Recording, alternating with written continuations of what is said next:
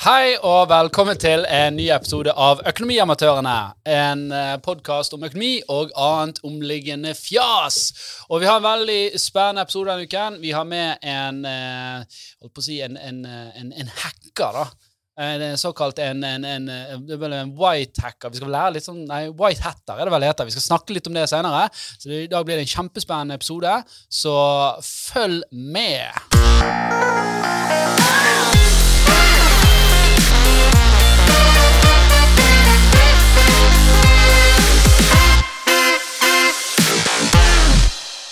Yes!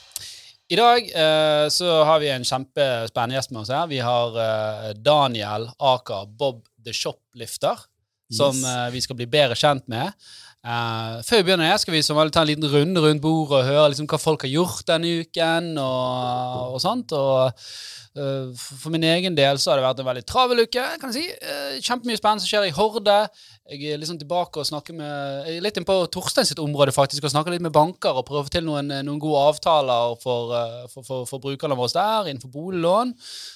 Og så jobber vi med et veldig spennende pro prosjekt. Vi har også sluppet en helt ny versjon av appen, som er kjempekul. eh, hvor vi har laget en, eh, en, en kunstig intelligens da, som ser på all dataen din og prøver å trekke fram sånn nyttig informasjon som du kan ta beslutninger på. Det kan være alt fra at eh, vi ser at et kredittkort har blitt rentebærende, så får du opp beskjed om det, så du kan, du, du kan betale det ned, eller refinansiere det. Gå fra 22% til 9% rente. Det er jo smart. Finansiell Jarvis er det vel vi har Ja, kalt vi, det. vi kaller han Jarvis fordi vi er litt sånn uh, Ironman-fans. og der er jo den og, Utenom Torstein, og han har Alle sett Horde elsker. Alle som Ja. Mange av oss da syns det er litt kult. Uh, men andre ting òg. F.eks. at du betaler for mye på dette, eller nå bør du reforhandle bolånet ditt, eller whatever. Så den skal utvikles med enda mye mer kulere funksjonalitet. Så for Men en veldig ikke- god start. ja. Så de som ikke har Horde-appen, må jo selvfølgelig inn og laste ned den og sjekke ut dette og gi oss feedback. Vi er jo en app av forbrukere, for forbrukere. Vi er til og med eid av forbrukere, så vi ønsker veldig gjerne å høre hva dere tenker på denne tjenesten. Hva kan vi gjøre bedre? Hva savner dere? Og hva ønsker dere en god deal på? Som er en fin intro til Torstein, som er dealmakeren i Horde. Ja, jeg kan godt eh, Jeg har faktisk Jeg har ikke sittet og gjort så veldig mange dealer denne uken, men eh, har eh, konsentrert meg uh, veldig mye om lanseringen av, av denne nye tjenesten. Og én ting er jo på en måte å bruke folks data til å gi dem tilbud som er uh, tilpasset de, da. Men så har du også uh, andre siden av skoen, hvor da de forskjellige tilbudsgiverne ønsker en viss type kunde. Så, så du har mange, mange, mange av disse selskapene som sier vi kan gi et kjempegodt tilbud hvis kunden ser sånn ut. Så det at vi prøver liksom å finne en balanse her hvor uh, vi gir kundene tilbud om hva de, eller brukerne eh, tilbud om hva de trenger, basert på at de også er de kundene som våre samarbeidspartnere da jakter etter. Så det, det, liksom det sweet spotet der er hvor du får til noe skikkelig bra. Og med å på en måte få eh, finne disse kundene, kan du gi dem ekstremt gode dealer. da. Mm. Ja. Um, ja, Ingeborg, du da? Har du noen eh, nyttige sparetips til oss denne uken? Noen life hacks? Ja.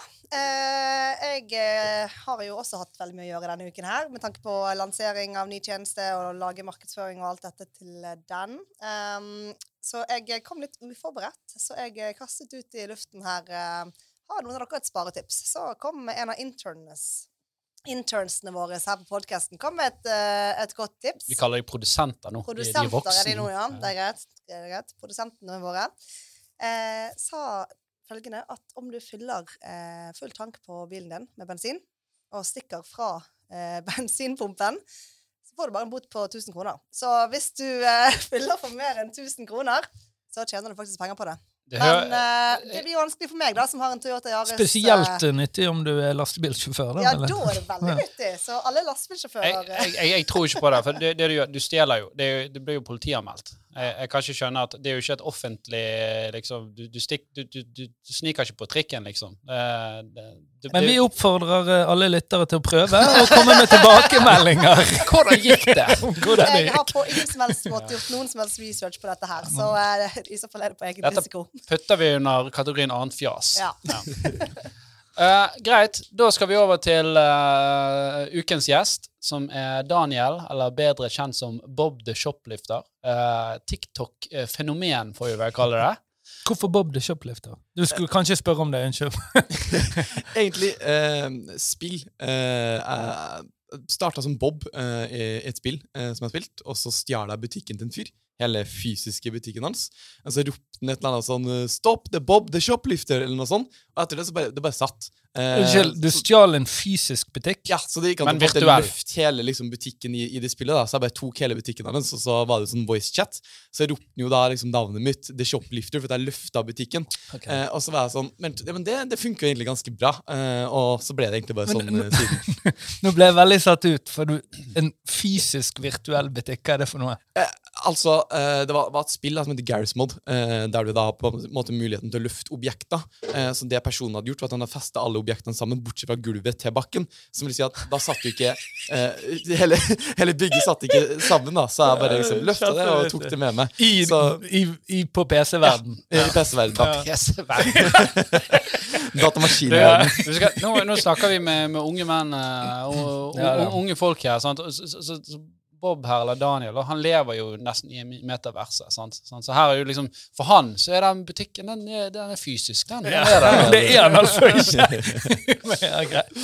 Nei, men, nei, men Kjempebra. Uh, så det var litt sånn origin story da, av eh, Bob the Shoplifter. Men det er jo ikke for å stjele, stjele virtuelle butikker du er kjent for. Um, du, du, du hadde vel et sånn gjennombrudd her med at du fant noe feil i litt uh, nettsider. Kanskje fortell oss litt eh, origin storyen. Ja, eh, eller eh, det, det er vel egentlig to eh, serier på TikTok som gjorde det ganske bra. Én var jo å på en måte snakke litt skitt om nettbutikker som ikke gjorde det bra.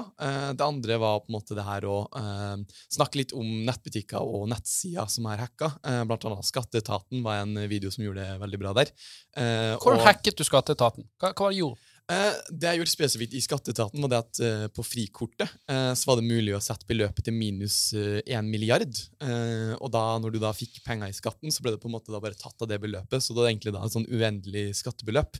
Ja. Eh, noe som var en litt eh, morsom feil for dem å fikse, fikk jeg høre. Eh, men det som er forskjellen på meg og, og, og en del andre som kanskje har testet ting, er at jeg rapporterer da til Skatteetaten og, og sier ifra. Og så eh, det var vel to år etterpå jeg lagde faktiske videoen da, for å, å, å lære litt mer, eh, eller lære folket litt mer om, om sikkerhet.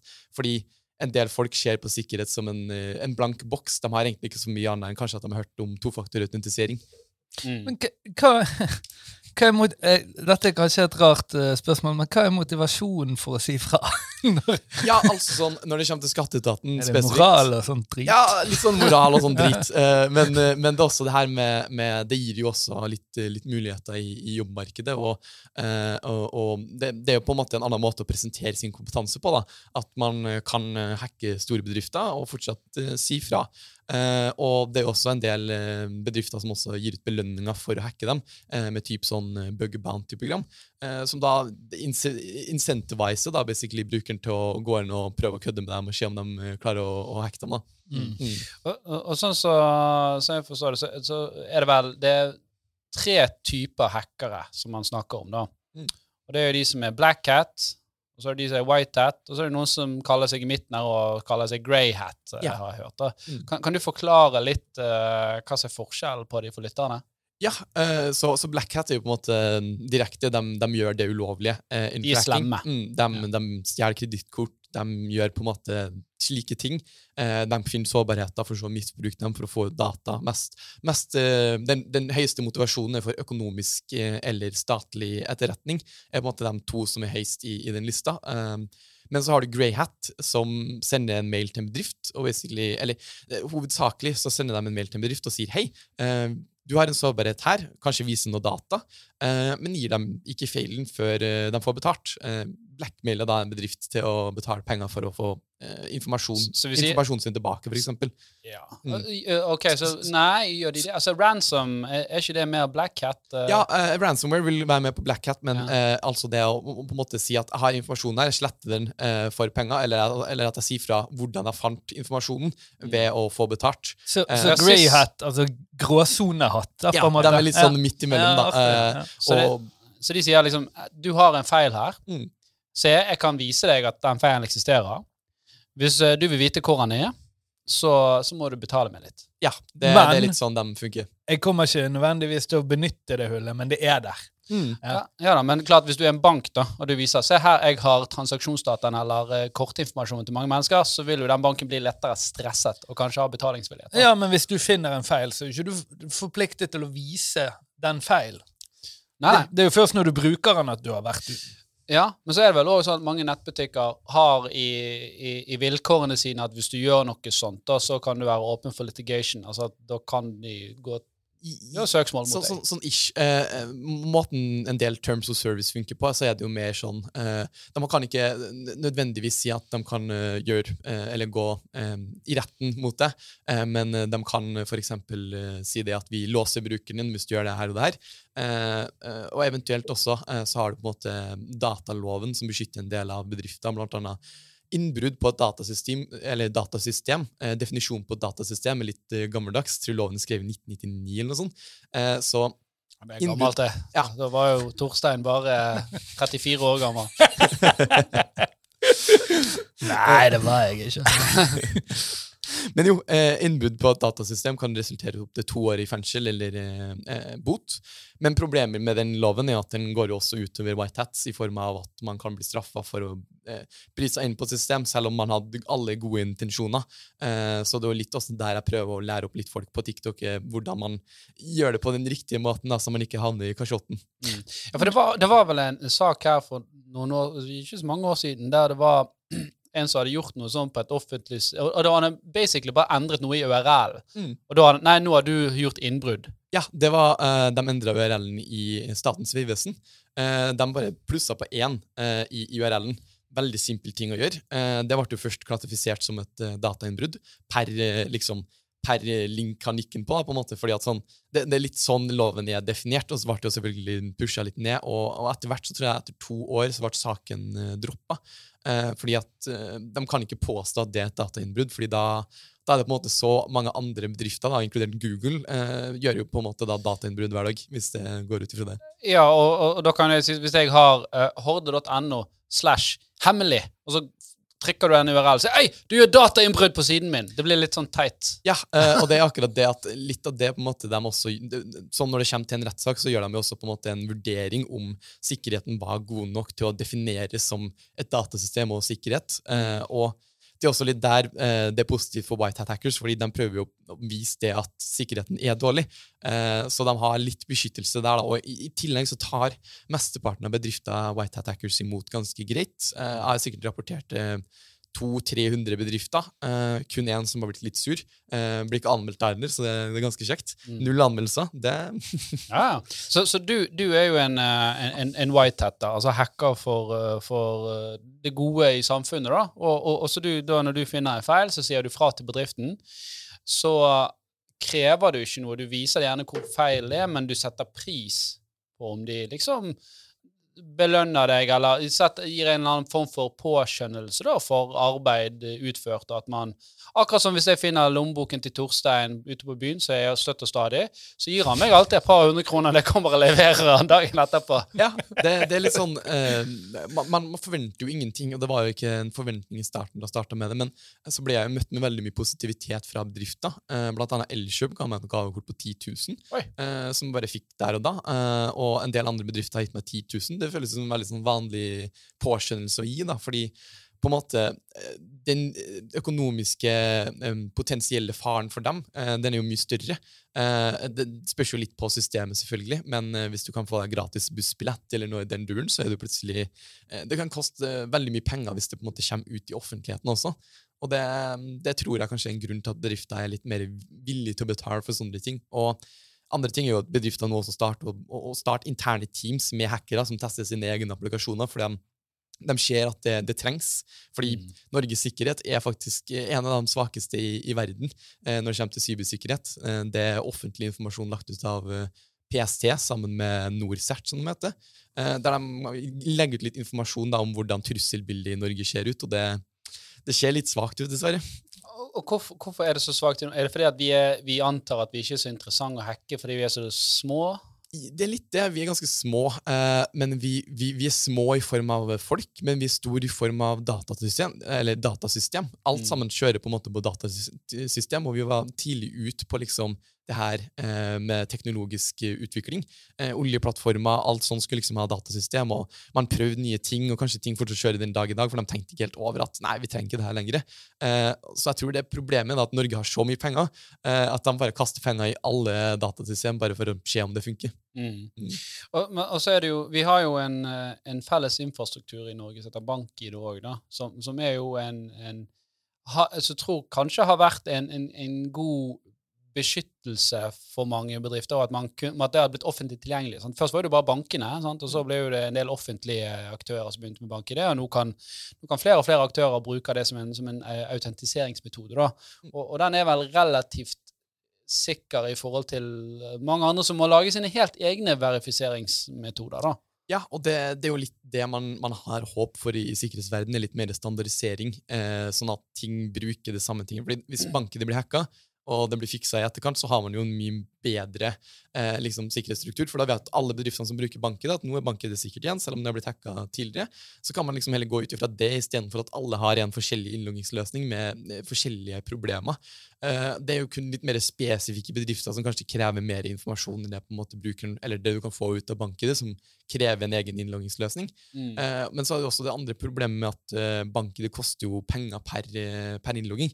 Og det er kanskje det, det eneste vi sitter og mangler litt, er en, en løsning som er litt mer eh, billig for en bedrift å ha, fordi det er ganske vanskelig å betale. Jeg tror det er 50 øre eller noe sånt per innlogging i visse tilfeller.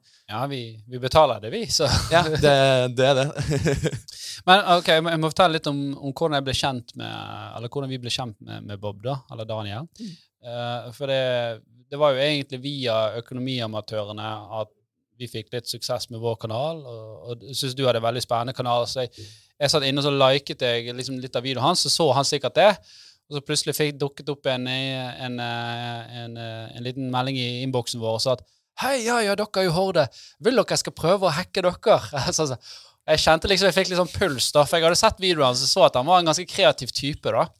Uh, men du har jo faktisk gjort et uh, prosjekt for oss, da, og, og, og, gjort det som man kaller en penetrasjonstest. Ja, det, det, høres litt seksuelt ut når man, når man sier det på den måten. Jeg liker eller den, det engelske bedre. Føler du på mange måter at det er det òg, når du gjør det? Ja, ja, det, er sånn, det blir skikkelig hyped. Bare yes, nå fant jeg, nå fant jeg feilen. Endelig. Man, man, blir litt sånn Man blir litt sånn Man, man blir litt glad.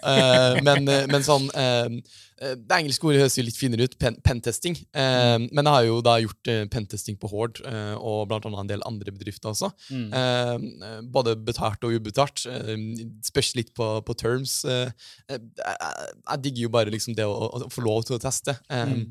Tingene tidligere at jeg jo på en måte testa først, spurt etterpå. mens nå går jeg heller litt over til den at jeg får folk til å spørre meg om å teste dem. noe som er litt positivt. men det er jo på en måte eh, ikke en del av businessmodellen min akkurat nå å gå inn og, og kjøre et fullt selskap der jeg gjør pentesting. Er, jeg jobber jo i Telenor da, i, i tillegg, da, eh, mm. som pentester der. Mm. Ja, men du, du, du, bygger jo en karriere på dette. her, for det, vi, vi, har jo tatt kontakt med deg etter da, på, vi ønsker du skal teste flere ting. Og jeg må fortelle, Han fant jo én ting, da. Eh, eller han fant noen ting, men det, en av de tingene som var, var, var gøy, vi har denne quizen hvor du har hver, uh, hver, uke så kommer det ut noen spørsmål, og så trekker vi vinner. Og Der fant jo han en mulighet til å gi seg sånn en milliard poeng. eller noe sånt. Så den, den har vi tettet nå, så alle andre som vinner prøver. Det, det, det hullet eksisterer ikke lenger. Du, sier, du, sa, du sa i sted at uh, whitehattere på en måte bare hadde gode inn intensjoner, men hvis det også ligger en grad av sånn profitørjakt i det, så vil jo det være en slags balansegang der, vil ikke det det? da? Ja, altså, det vil jo være litt vanskelig. Eh, jeg har jo kommet over systemer, eh, blant annet nettkasino, eh, som jeg kommet på en måte å legge til penger. Bare generere penger i løse lufta, og du kan ta det ut i krypto. Da har man jo plutselig en, en mulighet til å, til å liksom tenke sånn hm, den, den, bedriften her den gjør ganske mye shady ting. Eh, så begynner man liksom å veie litt opp. da, Er det, er det verdt det eh, å, å, på en måte prøve seg på noe, på noe, stort? Og det er jo på en måte litt der det moralske må være på plass. da, Så eh, har ikke tatt sjansen ennå. Har det hendt at Nei, ja, det var det jeg skulle spørre. Har det hendt at den hvite hatten ble litt grå iblant? Eh, nei, eh, heldigvis ikke. Men, eh, men, det er liksom sånn, jeg, jeg, forstår jo veldig godt, basert på liksom hvordan lovene og sånn i Norge er i dag, at uh, folk begynner å tenke litt sånn. Fordi uh, selv om du er hvit, grå eller uh, svart, så liksom telles du under samme, samme juridiske bindinger. Da, og det, det, det er jo på en måte et håp jeg har, jeg har lyst til å på en måte være med og, og pushe litt endringer til, slik at vi kan få litt mer åpenhet i Norge om akkurat det. Er det noe av dette du driver med på TikTok? Og ja, eh, blant annet på TikTok. Blant annet så har jeg også Discord, en Discord-server eh, som linker via TikToken min. Eh, der har jo nylig eh, Kripos eh, joina. Eh, og der har vi også da liksom hatt en litt åpen dialog med dem og spørre litt mer direkte om hva Ja. de tenker om lovene. Og, og da fikk vi jo et godt eksempel på, på det at eh, hvis, hvis du ser en dør stå åpen, skal du gå inn i den døra og si sånn Hei, du, døra, døra står åpen. Eh, det kan jo bli, bli tatt positivt, fordi sånn, kanskje noen glemte at døra sto åpen, men andre kan jo være litt sånn Vent, hvorfor går du inn døra bare fordi den står åpen? Og det er jo der problemet litt er at det er veldig individuelt, sånn som det er nå. Det er liksom ingen Så det er et filosofisk spørsmål. Mm, det, Ja, er- det er veldig filosofisk spørsmål. Ja, men altså, det, det var jo utrolig spennende. Og er du forpliktet til å rapportere om at dørene er åpne? Altså, Ja, det, det, det er akkurat det. Sånn, um, når det kommer til lover, så har du på en måte begge sider. Du har også sikkerhetsloven, som eh, liksom krever bedrifter, i hvert fall som um, behandler sensitive persondata. Uh, det er liksom de, de, de krever jo at du er sikker nok til at uh, det følger visse krav. da.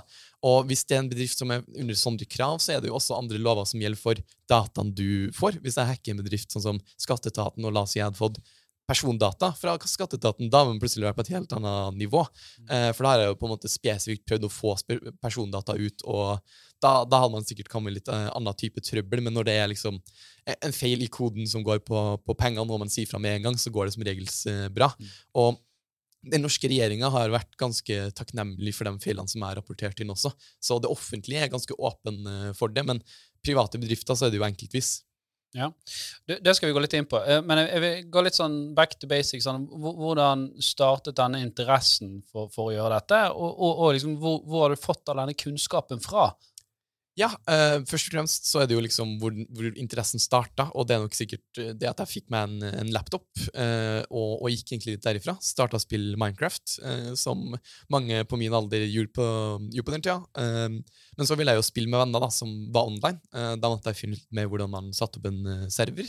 Og etter hvert også ville jeg jo da ha en nettside til denne Minecraft-serveren min. Og da begynte man jo liksom lære seg forskjellige- vanlig?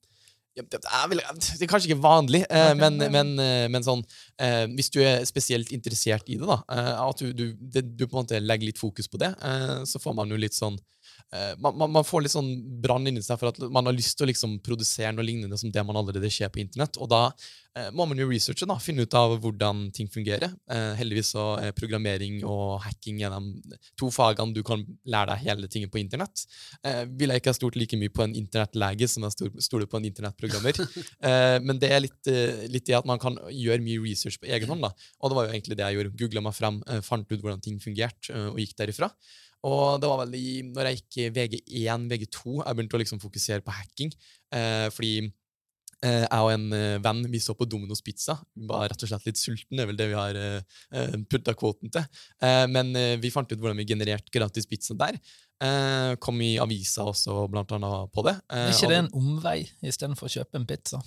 jo, men, men altså, vi fikk jo gratis pizza. Så litt sånn fattig fattig student-type Så, type så oppdrag. satt du da med liksom laptopen på uh, Dominos, og så hacket du bestillingssystemet, eller hva? Det, eller, eh, det var nettsida deres, da. Eh, Så da tok vi jo egentlig bare eh, måten man bestilte pizza på, og så reverserte vi det. da, Fant ut hvordan eh, nettsida faktisk fungerer. Det er det samme sånn som når jeg tester Hord, så var det jo sånn jeg gjorde det, at jeg fant ut hvordan appen fungerer.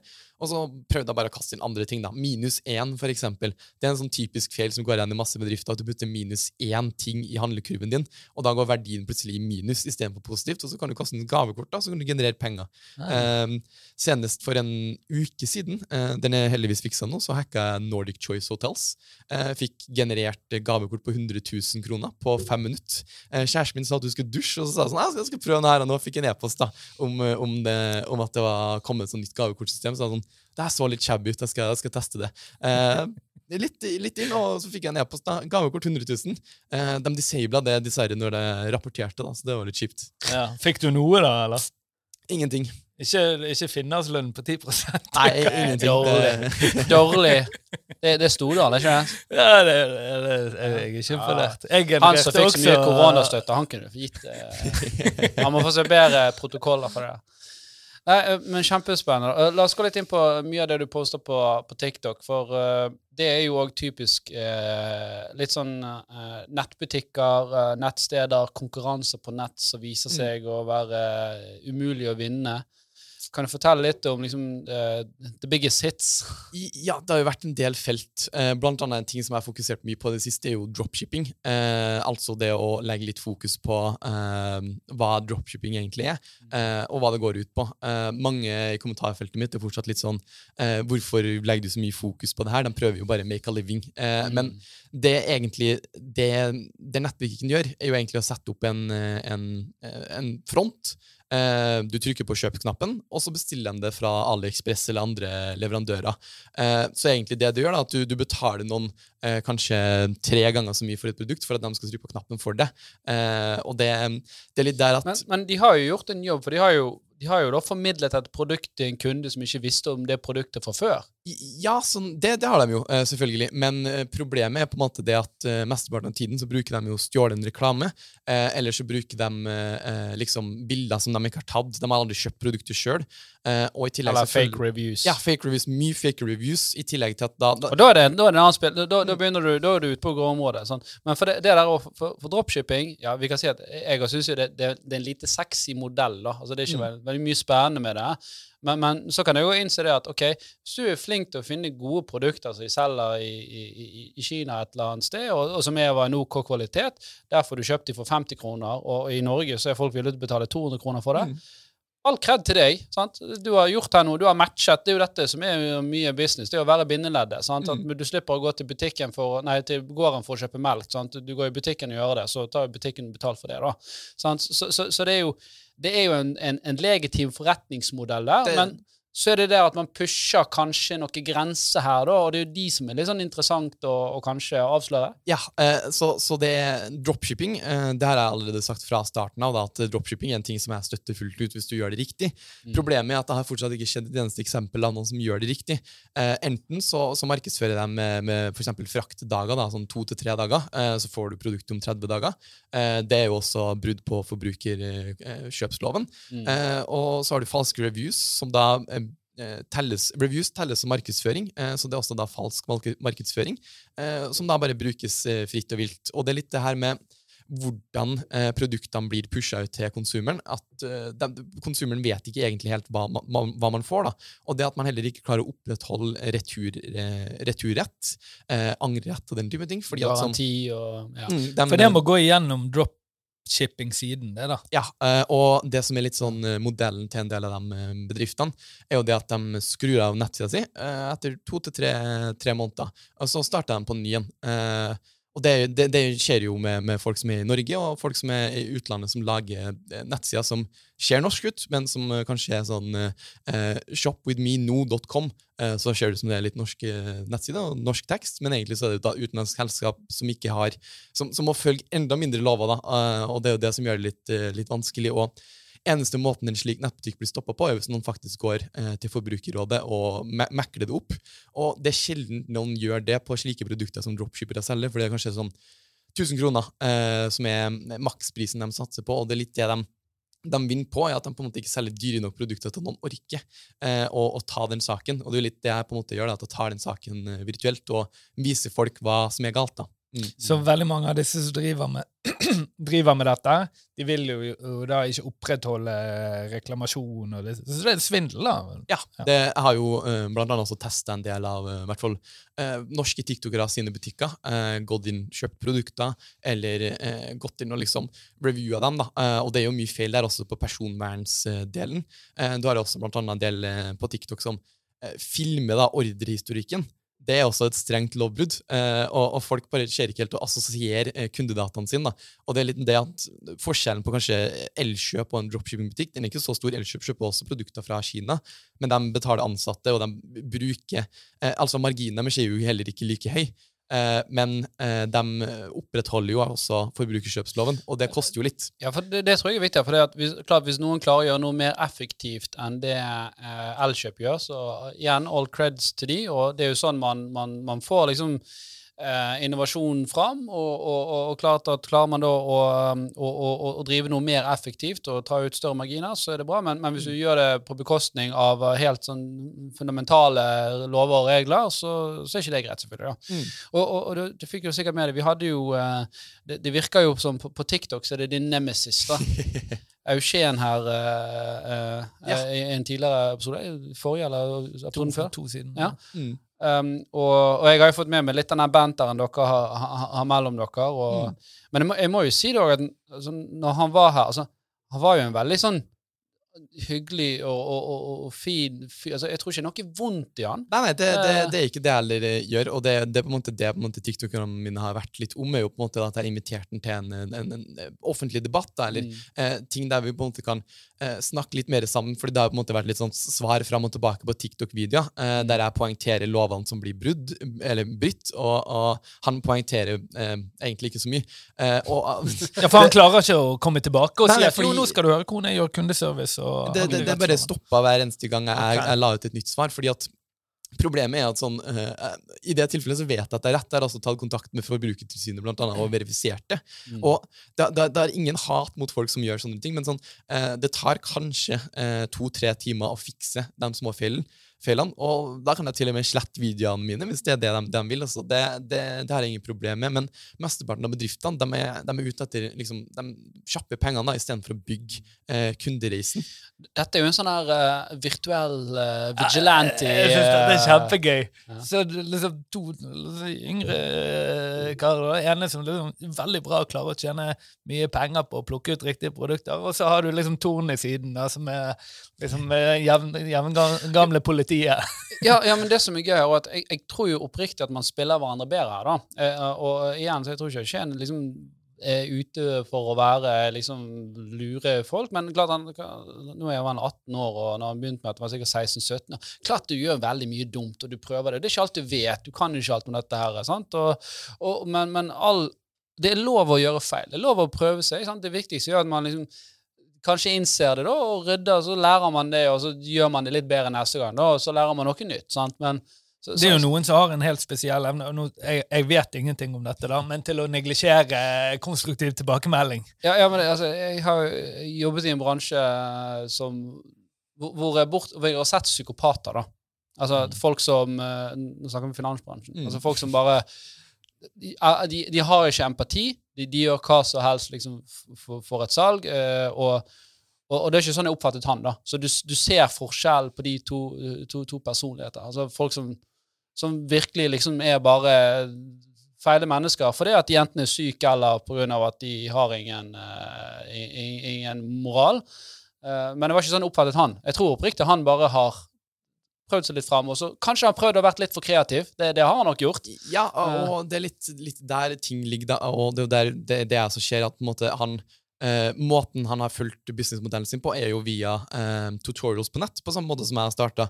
Eh, det er jo en veldig bra måte å starte på, og det er ingenting i, imot eh, han personlig. Eh, det er bare eh, det alltid handla liksom om det man kan gjøre bedre. da, fordi eh, Han selger jo også kurs til andre for å starte opp sånne butikker osv. Som vil si at jo flere som starter opp sånne butikker, jo, jo flere problemer får den norske forbrukeren. Og eh, det, det er faktisk et ganske stort problem med dropshipping. Eh, det var vel en rapport som la ut, ble lagt ut fra eh, nå husker jeg ikke helt eh, myndigheten, men noe som handler om handel, eh, der det var 300 millioner kroner som på en måte gikk til aktører som overselger produkter på den måten. eh, på en måte ikke gikk til noen lønninger og gikk utenlandsk da, eh, i mange tilfeller også. Så det handler jo om å på en måte styrke norsk økonomi til en, til en viss eh, grad også, om at man fokuserer på produkter som er solgt i Norge. Eh, da får jo på en måte, Når du kjøper et produkt på Elkjøp, så er det noen som får en lønn. Eh, det er også noen ledere som får ganske mye lønn, sikkert. Eh, og det er jo litt det at eh, man har det den har vært mye rusk og rask i Elkjøp og Power Ja, ja. eh, med hvordan de har behandlet ansatte og sånt. sånt så. Ja, det, det er alltid det er sånn, Ingen bedrift er, er perfekt, og uh, det handler jo egentlig bare om å prøve å egentlig hjelpe dem som driver med dropshipping, til å komme seg opp på det nivået. Eh, for du har jo bedrifter sånn som Jeg vet ikke om jeg skal nevne navn, da, men Jo da. en, en bedrift som eh, markedsfører en del på TikTok, eh, en del produkter. Eh, Der kom vi jo over en del eh, interne dokumenter eh, på hvordan de ville at de skulle behandle kunden. Eh, Og da sto det i dokumentet 'Kunden er vår slave, og det er det eneste'. De skal produsere penger. Og det er litt sånn eh, Hvilken butikk var det? Verdidrevet det, det kan ikke jeg si. Kanskje det? Ja, det, det, det synes jeg nesten du burde sagt hvis det er faktisk sånn. Så Ja. da, da fortjener de faktisk å bli outet. Ja, det, det er en butikk som, som driver på med eh, har drevet på med dropshipping tidligere, men som på en måte har konvertert businessen sin til å eh, ha et varelager. Og det er jo på en måte det er jo den riktige måten å, å starte, eh, starte business på når det kommer til dropshipping. Du får kapitalen din, eh, og det tror jeg kanskje Eugene også nå har starta med eget lager i Norge. Og det er full creds, det er det. Og det er jo Det, det handler jo egentlig bare om å, å ordne eh, litt eh, Nettbutikk-Norge, fordi eh, du har jo også den, eh, den nettbutikken som er eksponert som eh, var svindel. de, de reklamerte dritmye på TikTok, brukte masse penger på reklame. Eh, så var det en sånn gratis eh, et eller annet eh, produkt du fikk, et sånn sugerør eller det var et eller annet rart. Mange mange folk gikk på der og kjøpte. Eh, men det var jo da en abonnementsløsning, eh, så hver måned så betalte du sånn 299 kroner da, for å eh, få et sånn skittig sugerør som kosta 10 kroner. Og der valgte jeg jo da å hacke den nettbutikken for å finne ut hvordan du kan kansellere. Så da fant jeg en skjult side på nettbutikken som de hadde gjemt eh, for å kansellere det abonnementet som ikke var linka noe sted. Men jeg rever- jeg reverserte da, den pluggen som de brukte for abonnementsløsninga, og eh, sendte da linken ut eh, gjennom eh, eh, ny nyhetsaviser og gjennom eh, TikTok. da. Men kan jeg spørre Det er jo kjempebra. Altså, det, Ja, virkelig. Jeg har supersansen for sånt. Men eh, for sånt sier jeg, som om jeg skjønner hva som blir sagt.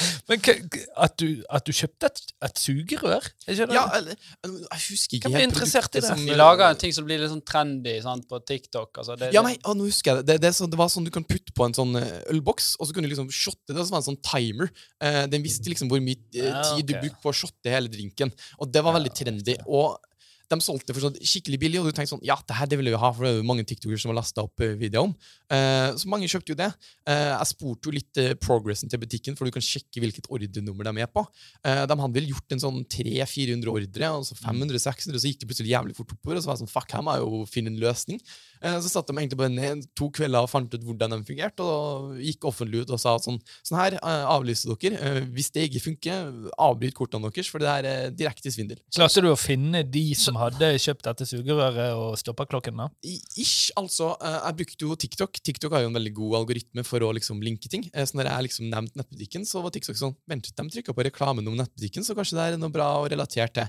Eh, og det, det var kanskje litt algoritmen som redda en del av forbrukerne der. Men, men jeg må bare forstå liksom, ok, så de forretningsmodell var at de solgte dette her, så du puttet på en flaske for å kunne se hvor fort du shottet.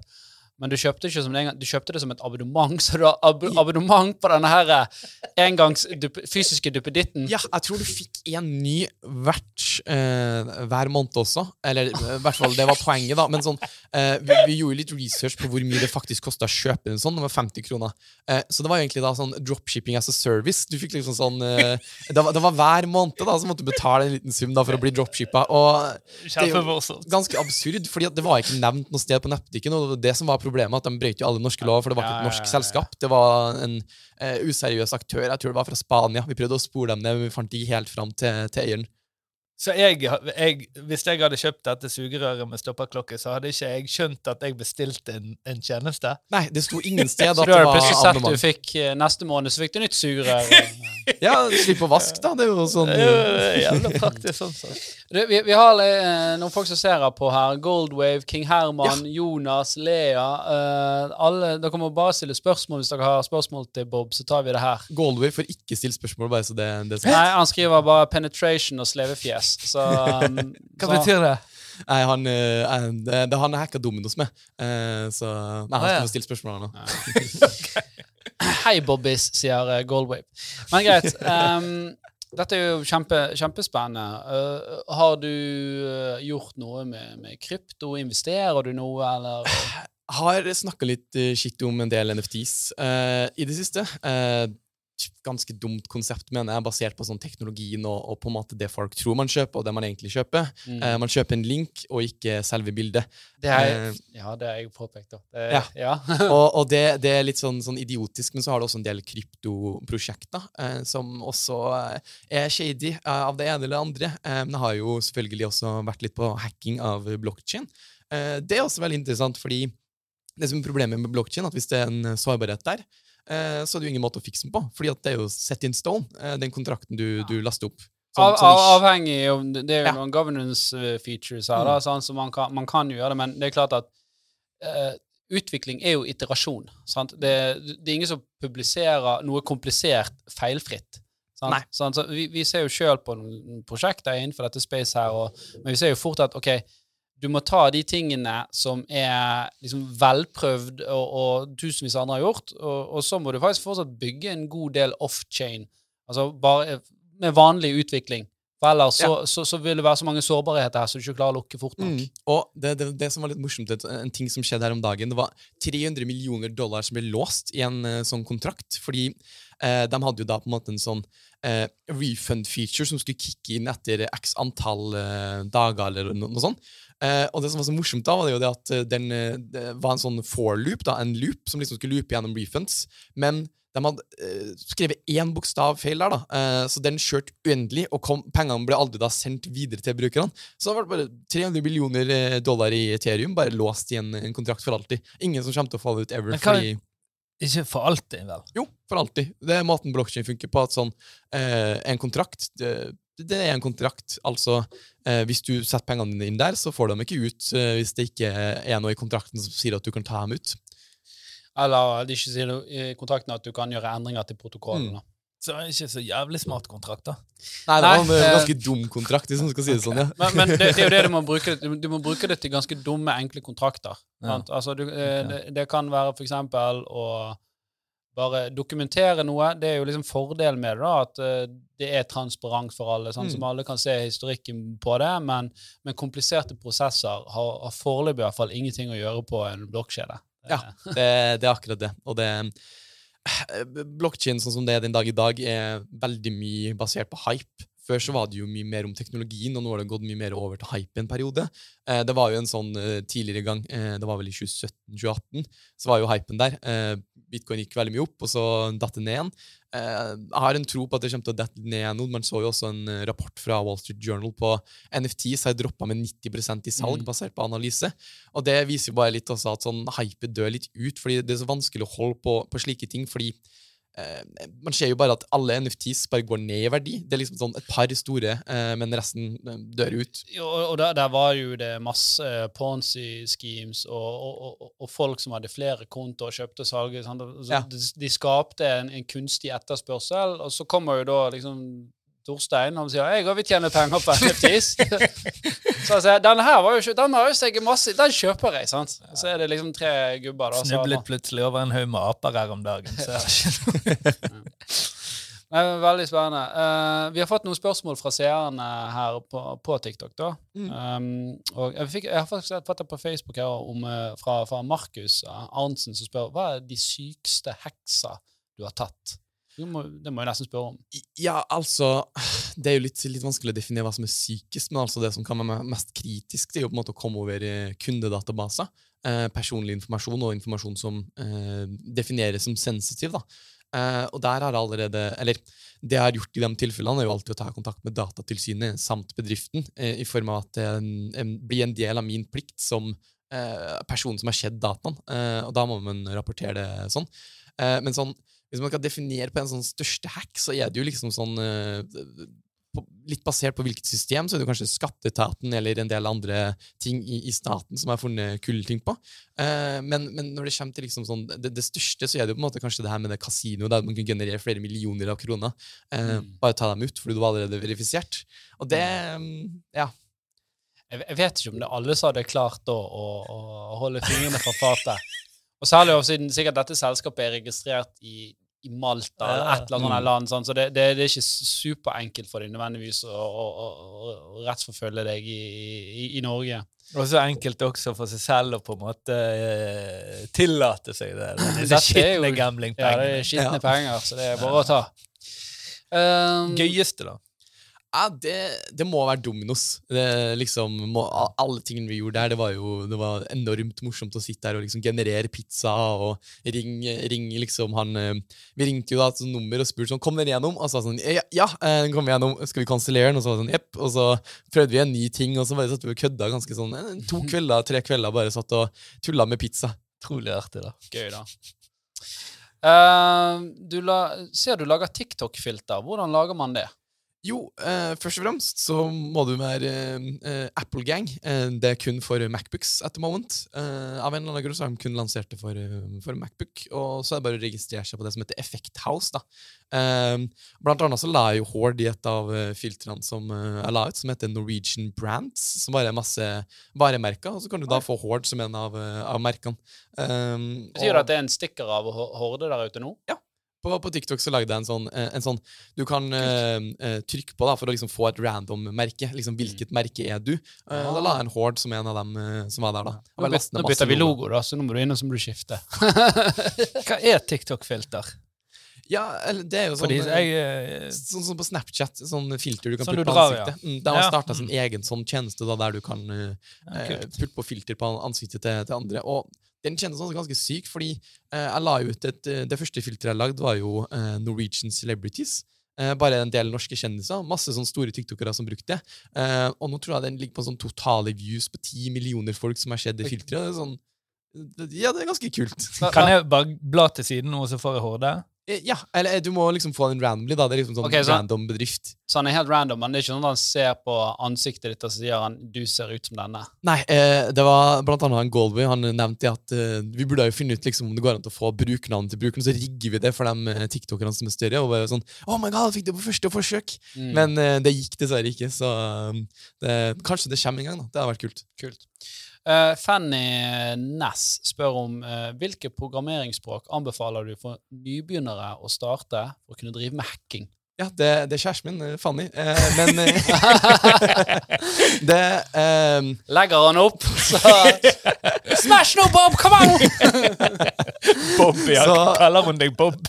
ja, ja, selvfølgelig. Det, det måtte. Eh, men eh, litt av Kanskje de språkene som er mest populære i dag, er jo javascript. Eh, det brukes jo mye både hackingverktøy og, og ellers, men Python er nok kanskje der, der det ligger i form av mest hackingprogram og mest ting som faktisk eh, brukes til, til dag. da. Og Går det mye da på dark web og Nei, eh, ting ligger på GitHub. Eh, open source verktøy. Eh, folk bare er sånn 'Jeg har laget et verktøy som hacker ditt og datt', og så bare last dem på GitHub. Eh, helt åpent for alle sammen å laste ned og bruke. Og det er også det som er liksom problemet, Dark Hat Hackers kan også bare gå på GitHub og laste ned. Eh, så man har jo en liten kamp der også, da, om hvem som finner, finner feil først. mm. Ganske sjukt. Um, ja Uh, hvor, mange brødre du har? Uh, er det noen som har spurt? Det er sikkert broren min som spurte om, eh, men jeg tror jeg har en ja, det er ikke sju-åtte brødre jeg har nå. Oi! Jeg skulle til å si er dette allmenn interesse, men jeg får høre mer om det. Ja, nei altså, Sju-åtte brødre. Det er sånn, jeg vet ikke helt om det ja. Ja, det er vel, det er vel, det er vel sju. Jeg husker jeg, det var mye sånn på barneskolen og, og, og sånn at folk lurte på hvor mange, mange brødre jeg har. Men det, er jo, det er jo halvbrødre og stebrødre, men vi, vi teller jo alle sammen som brødre. ikke sant? Eh, Moderne familie. mm, eh, men eh, jeg har jo Ikke også stebrødre, vel? eh, Jo, jo. Okay. De, de er med. De har bodd så lenge i familien at de, er- de, er- de er med, de òg. Mm. Men, eh, men jo, det er vel en eh, sju brødre, tror jeg, og to søstre. Eh, så en halvsøster og en stesøster, da. Mm. Jeg har et spørsmål som, som jeg, Hva er den største premien eller motivasjonen du har fått for dette arbeidet, og hvor fikk du den? hvis, hvis man ikke tenker gjennom bedriften min, for der har jeg jo gjort et par oppdrag, men det, jo- er på en måte de har bedt meg om å gjøre det. Eh, men største premie ellers har jo vært eh, det, Jeg tror det var 25 000 fra en eh, bedrift eh, som jeg fikk i gavekort for å, å hacke dem. Og det som er litt morsomt, er også sånn tanken på hvilke bedrifter har hacka, så er det liksom det, det er så mye spesielt. Det er liksom sånn McDonald's, Circle K Det, det, det, er liksom ikke spesifikke eh, ting. Alle har på en måte feil. Og det Og det, det er litt sykt, for Du skulle jo tro at de store merkenavnene de hadde ressurser, eh, og Domino's òg, liksom, til å ordne sånne ting. da. mm. Ja. Men det, det er akkurat det at på en måte En av de viktigste tingene, og ting som jeg prøver å få litt fram, men det er at uh, i Norge så mangler det eh, I dag så er det 1100 sikkerhetsfolk innen IT-verden. Eh, innen 2030 så kommer det til å mangle 4100, ifølge rapporter. Eh, og det er ganske urovekkende, fordi eh, Norge er et land som liksom eh, Det er jo et fredsland, blant annet, eh, og, og masse andre ting. Og vi eh, beskytter ikke det bra nok i, i dagens eh, standard. Og der, der må vi bare bli bedre, egentlig. Mm. Hvordan blir man bedre? Altså, det Ja, altså, det er jo Dere har jo allerede Dere er jo på gode, vi. Dere har jo en egen sikkerhetsansatt. eh, og det, det er det ikke mange bedrifter som har, rett og slett. Eh, du, du må ganske høyt opp i størrelse. McDonald's og dem har jo selvfølgelig eh, slike folk. Men eh, medium og, og små bedrifter de har på en måte ikke ressurser eh, kanskje til det, eller at de ikke helt forstår seg på risikoen da, som det kan utgjøre i bedriften deres. Det kan være et startup-firma som tenker at vi skal lage en tjeneste som samler all data på ett sted, og så blir de hacka. og det, det ødelegger jo bedriften deres, fordi de mister jo på en måte hele omdømmet eh, de har. og hva, hva skal man gjøre da? Og det er jo litt der vi eh, som sikkerhetsfolk kommer inn og eh, faktisk beskytter bedrifter da, eh, og samfunnet generelt. Mm. Mm. Du, um, la oss skifte litt fokus fra hacking av bedrifter til hacking av personer. Um, der er vel kanskje en av de mest uh, benyttede metodene er vel det som kalles social uh, hacking. Kan du forklare litt hva det er? Ja, eh, social engineering, da. Eh, Social eller engineering, eh, så har du også phishing.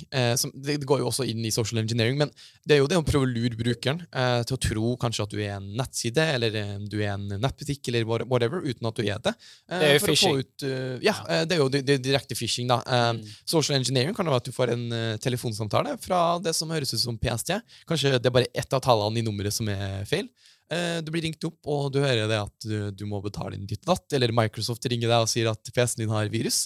Eh, Man tenker jo da sånn hm, Har den egentlig det? Man blir litt sånn eh, Grunnen til at det er så farlig med den usikkerheten vi har rundt sikkerhet, er også det at folk spiller på den usikkerheten til å eh, liksom lure deg, da, til å gi ut passordene dine, eh, til å eh, gjøre ting som du egentlig ikke burde ha gjort, og som du sikkert ikke hadde gjort hvis en person har stått rett foran deg også.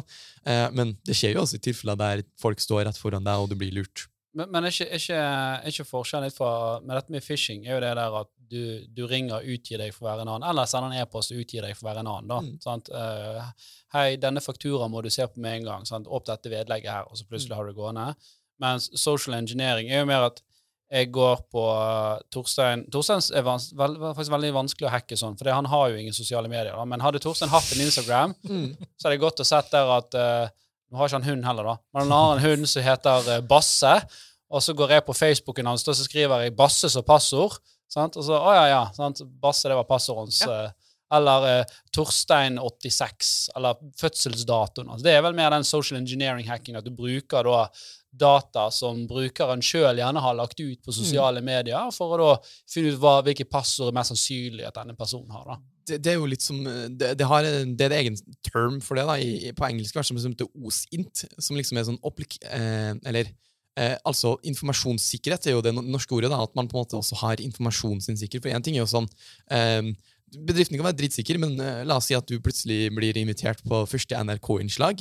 NRK filmer sikkerhetsavdelinga di, og de sitter og trykker på tastaturet, skriver inn passordet, f.eks. Og bare det kan være en, en stor risiko. Det skjedde jo f.eks. med kommunen. Eh, Kommunen i Trondheim de hadde et sånn eh, koronakrisemøte eh, der de da streama det på VG. Jeg så jo det at de putta den eh, lenken i toppen, og jeg bestemte meg for at fuck, her skal jeg joine.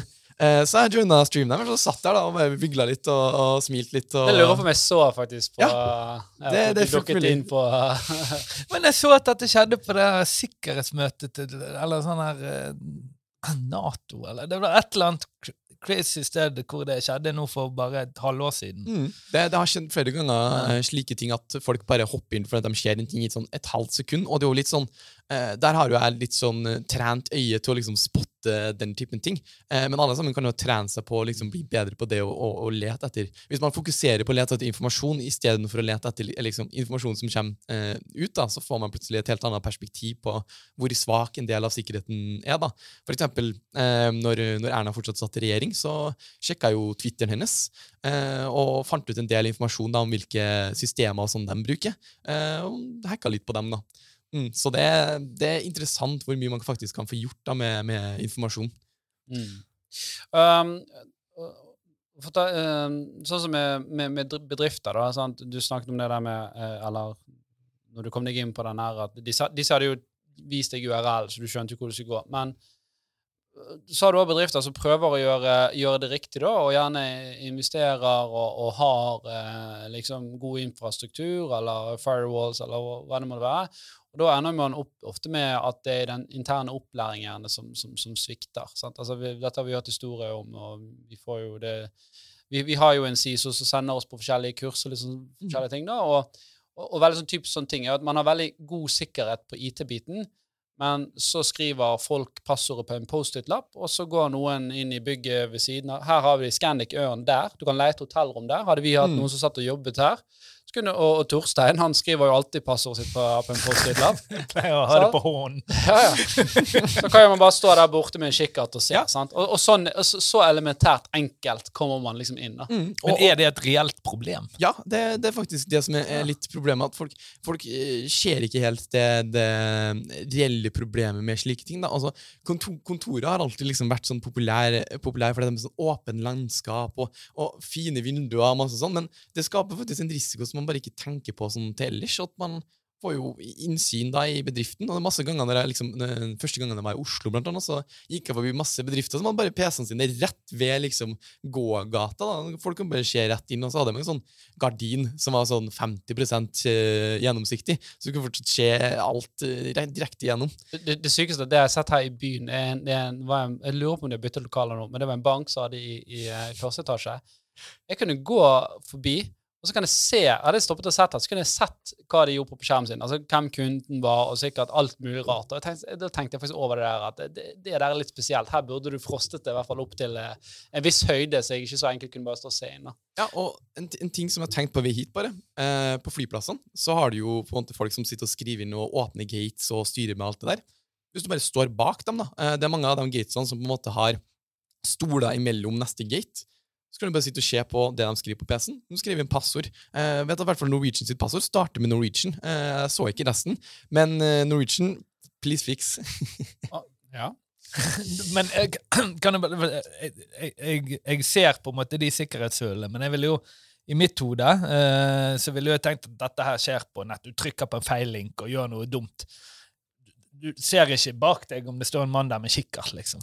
Nei, altså, det, det er sant, men en en annen angrepsvinkel her da, er hvis man komprimenterer for eksempel eh, liksom eh, Google, da. Eh, Men, men, men bare for svar Poenget med den der eh, at en mann som er kikkert, er at du skal ikke skrive passordet på en Post-It-lapp og henge det på Mm. PC-en din. Det er det som er eh, poenget. Ja da, og jeg ser absolutt at det går an å hypotetisk si at det kan være et sikkert Men skjer det liksom? Er det hacker som sier sånn Nei, jeg leide et hotellrom og hadde en kikkert, og der var passordet på PC-en. Kanskje ikke mot eh, private bedrifter, men eh, for statlig etterretningsinformasjon. Kanskje en, et visst annet land som er litt interessert i norsk data. Fullt mulig at de, de finner på sånne ting. Eh, og det er jo på en måte Ja. litt det, det, det er jo litt forskjell der da, på hvilken type data man er ute etter. Eh, jo mer sensitiv den er, jo vanskeligere er det jo også liksom, Eller jo, jo, jo lengre går folk. Eh, det er ikke så store odds for at eh, noen går og ser inn på stua til Gerda for å finne ut hva passordet er, men eh, det er store odds for at eh, noen prøver å se inn i Stortinget eller eh, andre slike offentlige organ. Og der, de allerede, der, der tar de jo slike tiltak til at de blokkerer vindu eller bruker vindu som kan kun skje én vei. da. Og det, det, det er jo en litt viktig ting som kanskje ikke eh, mange nok tenker på, fordi det er ikke noe som påvirker dem. Og det er sånn som du også sier, at skjer det med meg? Mest sannsynlig ikke, men det skjer med en del, eh, del viktige ting. da. Det, det er jo noe med at det må være forholdsmessig til den driften du, du driver. Sant? Har du liksom en, en, en, en skobutikk, så er du gjerne ikke så eh, bekymret for at noen skal liksom gjøre det, men, men har du la oss si et selskap i dag da, som har store kryptoassets eller, eller andre verdifull informasjon, så er det klart at da er du et mer interessant mål. Sant? Så du må, må, man må liksom Hensiktsmessig. Mm. Ok, Du skulle si et eller annet sted, så jeg bare avbrøt. Det var jo veldig Ja, uh, Nei. eh, nå husker jeg ikke helt hva det var, da. Eh, Men, men da, da kan vi fint uh, gå videre eh, til, til, til noe annet. Uh, kan du forklare Det er litt sånn også på, på hacking av bedrifter. da. Kan du Mm. forklare hva en pineapple er? Eh, pineapple, altså Wifi Pineapple, det var faktisk en ting som jeg fikk av eh, dere eh, når jeg hacka dere første gang. Da. Det ligger jo faktisk en video ut på TikToken min med hva jeg fikk. Vi ville du skulle gå på besøk hos DNB. Men Ja. Eh, det, det, det, det, Det var ingen, spøk! Ikke, ikke gå til sak! ingen, ingen besøk på, på DNB. Eh, Jeg har egentlig bare brukt den personlig. eh, Kødda litt hjem. eh, Satt den opp. Men Eh, Det det egentlig er, jo et Wifi-nettverk, eh, på lik linje som alle andre Wifi-nettverk som det, med litt eh, ekstra funksjonalitet. Blant annet det at hvis du logger på den, så kan du jo for eksempel eh, like passordene dine. Eh, hvis du er på en skole da, som har en sånn login-portal, så kan du sette opp en login-portal som ser helt lik ut, men som ikke er skolen sin. Ta opp passord. Eh, det andre er jo litt mer det her å ta opp det som heter handshakes. Eh, og en Wifi-handshake handshake er egentlig det som skjer når du eh, logger på internettet og sender passordet, og internettet på en måte sender svaret tilbake. Hvis du klarer å fange opp den, så kan du også prøve å dekryptere den. da. Eh, og det er på den eneste måten å dekryptere et Wifi-passord i eh, nyere eh, protokoller. Eh, og de helt nyeste er jo litt mer sikre mot akkurat det her, men eh, det er liksom det, er et ganske risikabelt angrep, og det er jo derfor mange bedrifter også kun bruker eh, internett som er kabler, eller har veldig strenge regler på hvilke internett man har lov til å koble seg på. da. Mm. Mm. Abba bare spør om dette er live eller spilt inn. Dette er definitivt live, så bare kom med spørsmål. Eh, Kjempespennende. Uh, bør man uh, logge seg på nettene på disse hotellene man er på tur på? Eh, det spørs. Uh, Mac-en min logger jeg ikke på. Mobilen min det, det kan jeg logge på. Uh, det, det, spørs jo litt hva du har tenkt å gjøre på, på internettet. Uh, hvis det er ingen sensitive opplysninger. Du kun bruker ting som har HTTPS, da, blant annet. Uh, det er jo en ting som er standard nå i, i Norge og andre land. Hvis det ikke er HTTPS, så får du en varsel. Ja, Mm. Så det er jo litt det at man bare må holde seg litt mer sikker på det man bruker. Før så var det et mye større problem når halvparten av nettsidene brukte HTTP fortsatt, uten den sikkerhetsprotokollen, for da kan du se all trafikken som går igjennom. Inkludert hotellet kan også skje det, eh, og eventuelt bruke det hvis det er en businessmodell. Og det, det er nok mye sikrere i dag enn det var før, men også sånn, eh, vi har veldig god tilgjengelighet på 4G, og nå også 5G, eh, som vi heller bare kan ta i bruk. Det er ikke så dyrt for mobildata hvis du skal gjøre normale og viktige ting som nettbanking osv. Mm. Eh, det er jo en voldsom utvikling nå, og, og det er et sånn våpenkappløp da, mot disse blackhatterne som prøver å få tak i informasjon og hacke deg, og, og, og, bedrifter og sikkert whitehackere som prøver å, å, være på den gode siden av dette. her. Um, så, så hvordan tror du liksom sikkerhet vil være i framtiden? Altså, nå kan du gjøre deepfake av ansiktet til folk. Til slutt skal du begynne med sånn iris-scan og Ja, altså, um, en av de eh, kanskje skumleste tingene er jo kvante. eh, kvanteteknologi. Når det kommer på det punktet det er forventa, eh, så vil jo på en måte en store del av passordhashing, altså måten passord er kryptert på, eh, bli ubrukelig. De vil bli knust ganske, ganske fort. Kan du forklare kvante? Ja, eh, kvante, det er jo egentlig eh, det, det vi har i dag, det er jo liksom eh, Binær. Ja, binærbaserte maskiner. Kvante er liksom det neste hoppet som gjør Gjør på en måte alt hundre, eller det er jo tusenvis av ganger bedre. Eh, og, men problemet sånn som vi har det i dag, at du kan på en måte ikke laste ned Windows på kvantemaskinen din og, og kjøre i gang. Du må programmere det veldig spesifikt til hvordan eh, kvanten fungerer. da. Eh, og det, det kan- Google har vel faktisk hatt et proof of concept på dette, at de har ja, en de, kvantemaskin de var ute med en sånn Vi var de første som uh, gjorde det her. Uh, men så var det vel Vi viste i etterkant at ja, var dere egentlig det? Uh, så det, det, det er litt markedsføring der òg, men de har en kvantemaskin, og det IBM også har jo en veldig stor kvantemaskin, og også en massiv sånn dere, eh, vanlig maskin da, som kjører vanlig programvare, eh, som, som kan knuse store deler av gamle måter man eh, kryptert passord på. For, å forenkle litt, da. Sant? Så, eh, i, I dag, så altså Du ser jo på, på video, på filmer, sant? så ser du sånn her at eh, når de skal hacke et passord, så er det sånn Han går gjennom mange ting. Sant? Og så, å, der fant han ett tall, og så. Sant? Litt sånn forenklet kan man si det. Sånn så, som i Swordfish. for, for eksempel. Sant? Og et vanlig passord La oss si at i dag med dagens uh, teknologi så ville det tatt 1000 år å hacke dette passordet. Mm. Men med, med eh, kvanteteknologi så kan det ta 14 minutter. Så kapasiteten er større, da. Ja, det, det er helt sånn, altså det, det, Den som liksom knekker den koden, da Man håper jo selvfølgelig at det er the good guys som gjør det, ikke the bad guys, for da vil de i prinsippet bare kunne, ikke kunne gjøre alt. da. Så det, så det, det er jo liksom nuclear bomben innenfor Eh, Ja, maskin. Men problemet også er jo blokkjede. Eh, det er jo også basert på slike krypteringsmetoder. Eh, og en, en risiko for blokkjede er jo faktisk det at man klarer å dekryptere nøkkelen og, og liksom klarer å løse blokkjede før på en måte nettverket klarer å løse det. Eh, fordi da, har man jo, da kan man kjøre sånn man in the middle attack og så videre på eh, blokkjeden. Og det har jo allerede skjedd på Ethereum Classic-nettverket. Så var det noen som eh, eh, fikk opp eh, nok datakraft, altså 50% av nettverkskraften, til å ta over nettverket. fordi da, da er jo det dem som egentlig er eierne av nettverket, for de kjører da over, over 50% av datakraften. datakraften.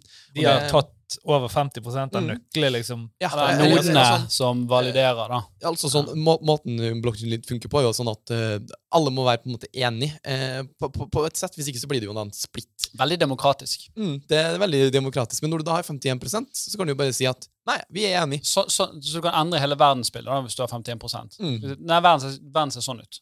Mm. Så du kan endre starten på blokkjeden også. eh, med det da. Så du kan si at eh, han der Sartoshi han fikk ikke pengene, det var jeg som fikk alle pengene. Eh, og da, da, hvis du har 51% så må på en måte alle andre tro på det, eller så må de jo da på en måte eh, starte et nytt nettverk. Og det var det som skjedde med Bitcoin Cash, i for, form av at halvparten ville ha én ting, og halvparten ville ha en annen ting. Og da ble det jo da en eh, fork, som det heter, da, der eh, alle ting ble på en måte splitta opp. Så de som hadde bitcoin, fikk jo samme mengde i Bitcoin Cash. Sånn som jeg forsto det. Men det kan jeg tar feil. Dette er jo samme Ethereum og Ethereum Classic. Der var jo det et hack, sant? Ja. Og, og, så, og, og, og, og her er det jo liksom Alle er så veldig sånn opptatt av at eh, nei, demokrati og altfor bra, helt til det påvirker de. Sant? Så her var jo det noen av disse originale bitcoin, nei, Ethereum-folka sant, som, som sjøl ble påvirket. da. Og da plutselig, da skulle vi rulle tilbake protokollen. Da, da var liksom ikke den moralske høyhesten like høy, da. Det var da du fikk denne classic og Ja, det er vel det som er den folken, ja. ja ja riktig. ok.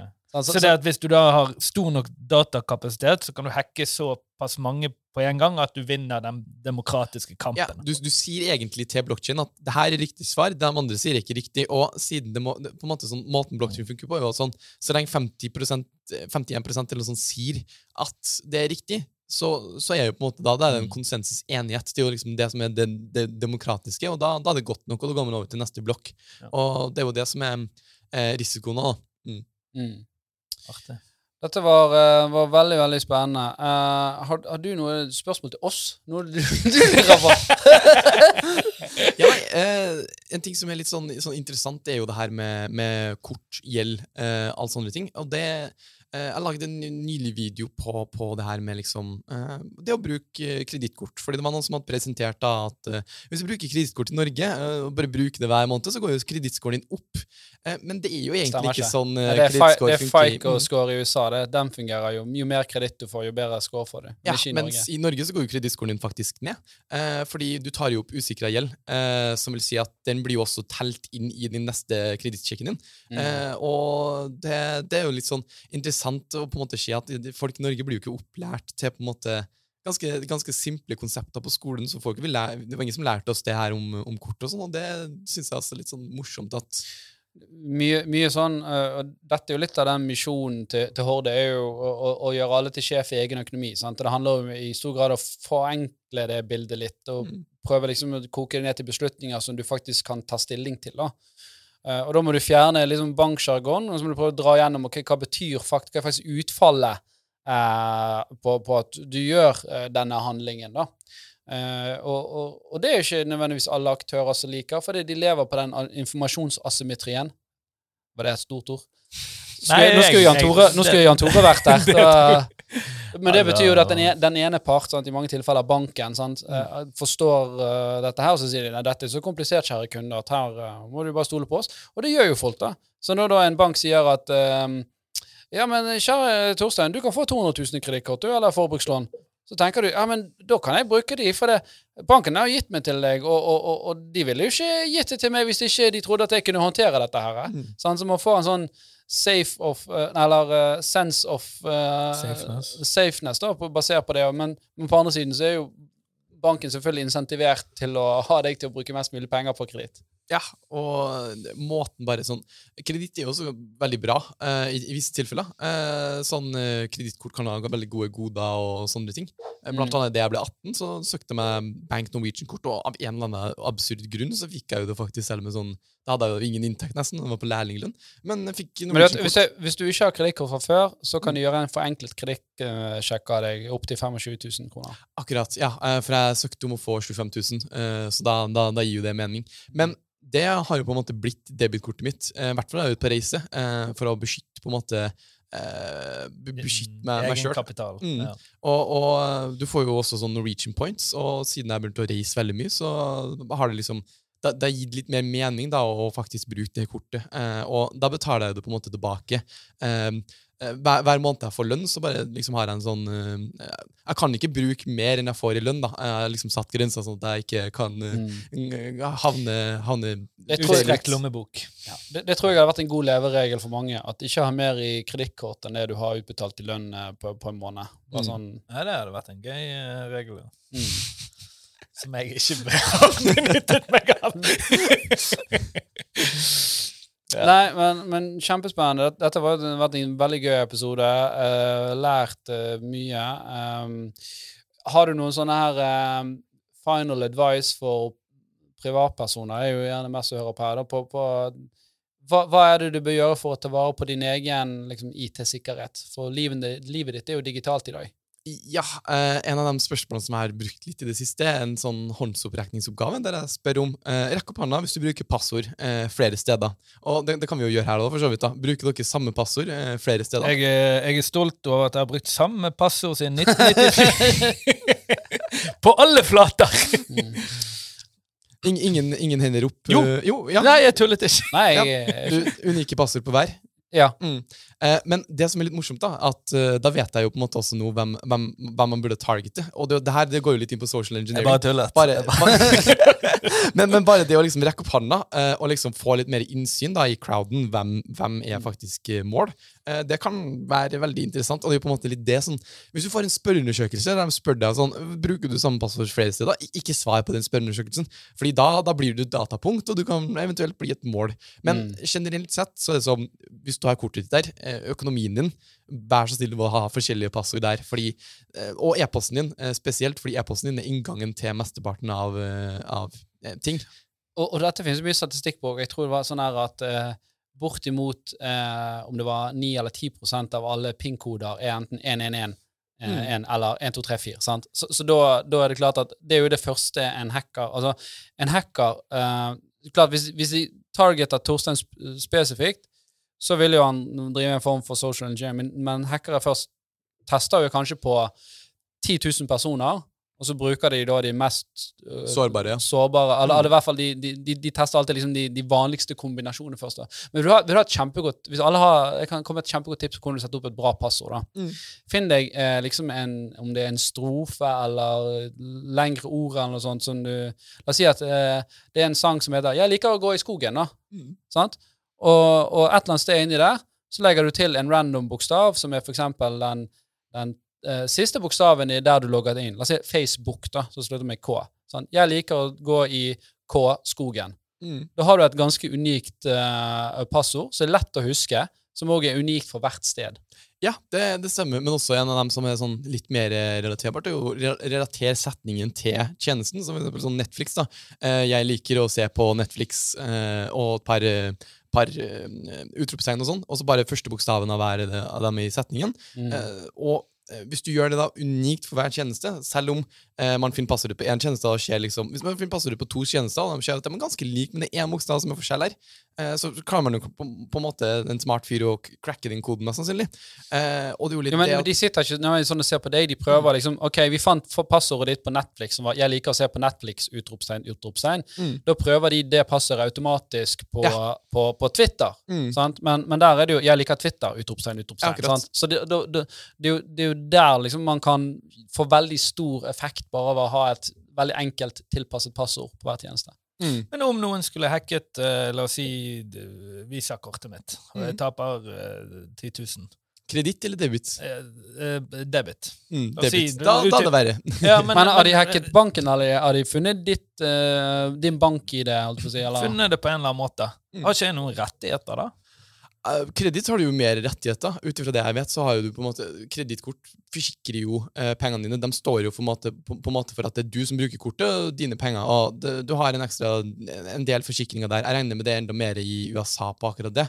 Eh, men i hvert fall så, så vet jeg at Norge også har en del forsikringer der. Men når det kommer til debitkort, eh, så er det ingen måte å stoppe penger på sånn generelt sett. Du kan ta kontakt med bedriften der kortet har blitt brukt på, og eventuelt få stoppa der. Men hvis man ikke stopper kjeltringen direkte, så har man på en måte ingen måte å stoppe en transaksjon for å gå gjennom. da. Nei, men jeg har vært borti at, at det har skjedd, Mm. og transaksjonen har gått ut, men da ble jeg dekket av banken. Ja, du fikk uh, forsikring på det. Det, det, er jo, det spørs kanskje veldig mye på hvilket kort du har òg. For det er jo eksempel kort du betaler for, og kort du ikke betaler for, osv. Men, men det, det, er noen, uh, det, det er jo noen regler. da. Horde har, har jo òg en forsikring på ganske mange millioner. Uh, tilfelle at det skulle være feil som, som gjør at kunder blir skadelidende, så vi skal kunne, kunne erstatte det. Så spørs det om hvem som har feil. da. Nå kommer det en ny, avtale, nei, ny regel i finansavtaleloven som legger faktisk mye mer av ansvaret på, eh, på, på banken. Som, Ja.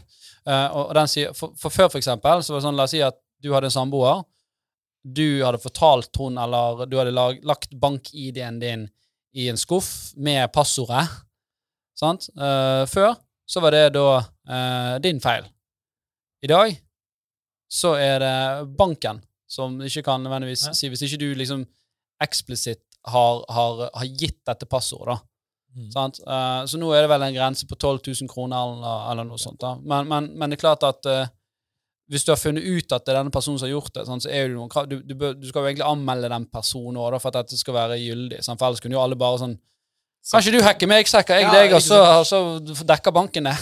Ja, ja. Men, men det, det er nok en del som også på en måte eh, mangler der, i form av eh, det, det, spørs jo veldig mye på hacking. Og, og for eksempel, det var jo en, en fyr, en, en kjent fyr som tok opp forbrukslån eh, til masse damer, eh, blant annet som brukte bank-ID-en deres til å ta opp forbrukslån. og eh, Han er Tinder-svindleren. Ja, nei, det var en norsk Ja, han fikk jo de fyr. til, ja, ja, Tindersvindleren fikk jo de til å faktisk ta opp lån og, og gi ham Ja. pengene, for de trodde han var rik. sant? Eh, mens uh, han Du, du han er uh, Paradise Hotel-kjendisen. Ja? Carl Axe. Ikke Ja, sant? ja, ja. Mm.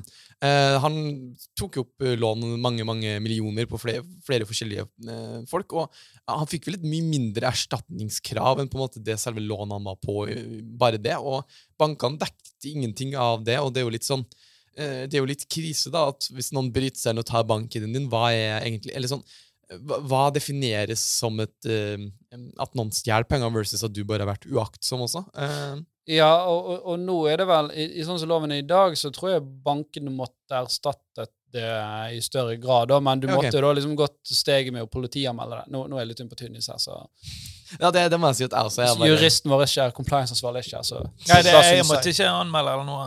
Men jeg tror det var en eller annen form for kjent scam, da, eller et eller annet. eh. Ja, men det, det er jo noe annet, for da har jo du blitt svindlet på et eller annet, om det er et utested eller en uh, nettside eller noe sånt. Her, her er det jo mer en person da, som har fått tak i Det handler også mye om beløp, da. Fordi uh, hvis det er et stort beløp, så er det jo vanskelig for bankene å bare liksom bruke de pengene. Men du er jo også kunden deres. De vil jo at du skal ha en god opplevelse hos dem, så du ikke bytter bank. Eh, så det at hvis det var kanskje 500 kroner da, eller 1000 kroner, så kanskje de føler at det bare er mye lettere for dem da å bare ta den kostnaden for å beholde deg som kunde. Hvis du har boliglån der og masse andre ting, så, så er det plutselig mye mer verdt for dem å bare, uansett om de ikke er forsikra, ta, den, eh, ta den kicken på seg. Dette var kjempespennende. Jeg tror vi må begynne å runde av nå. Eh, tusen takk for at du kom, eh, Daniel. Eh, hvor kan folk lære mer om, om dette spennende temaet? Det blir vel Bob the Shoplifter på TikTok. Mm. Det var veldig, det var veldig artig å preke med deg. Du virker som en grådig fin fyr. Vi sier takk for oss. Oss finner du selvfølgelig på YouTube, Facebook og særlig på TikTok. Eh, like og fall opp Vi setter veldig pris på dere sub subscriber, så vi tror Så vi kan få den opp fra fire til fem eh, følgere. vi snakkes. Ha det bra. Hei, hei. Ha det.